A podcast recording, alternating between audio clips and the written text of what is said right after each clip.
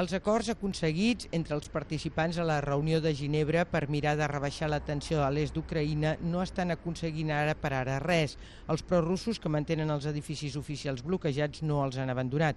Al contrari, a la mateixa hora que es donaven a conèixer els acords, mantenien una concentració davant la Casa de Govern de Donetsk, el més emblemàtic dels edificis bloquejats.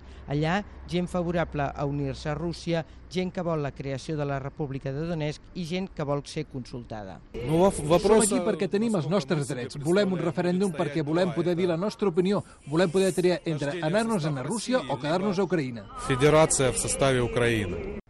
A pocs metres, uns centenars de persones es manifestaven per l'opció contrària, per una Ucraïna unida.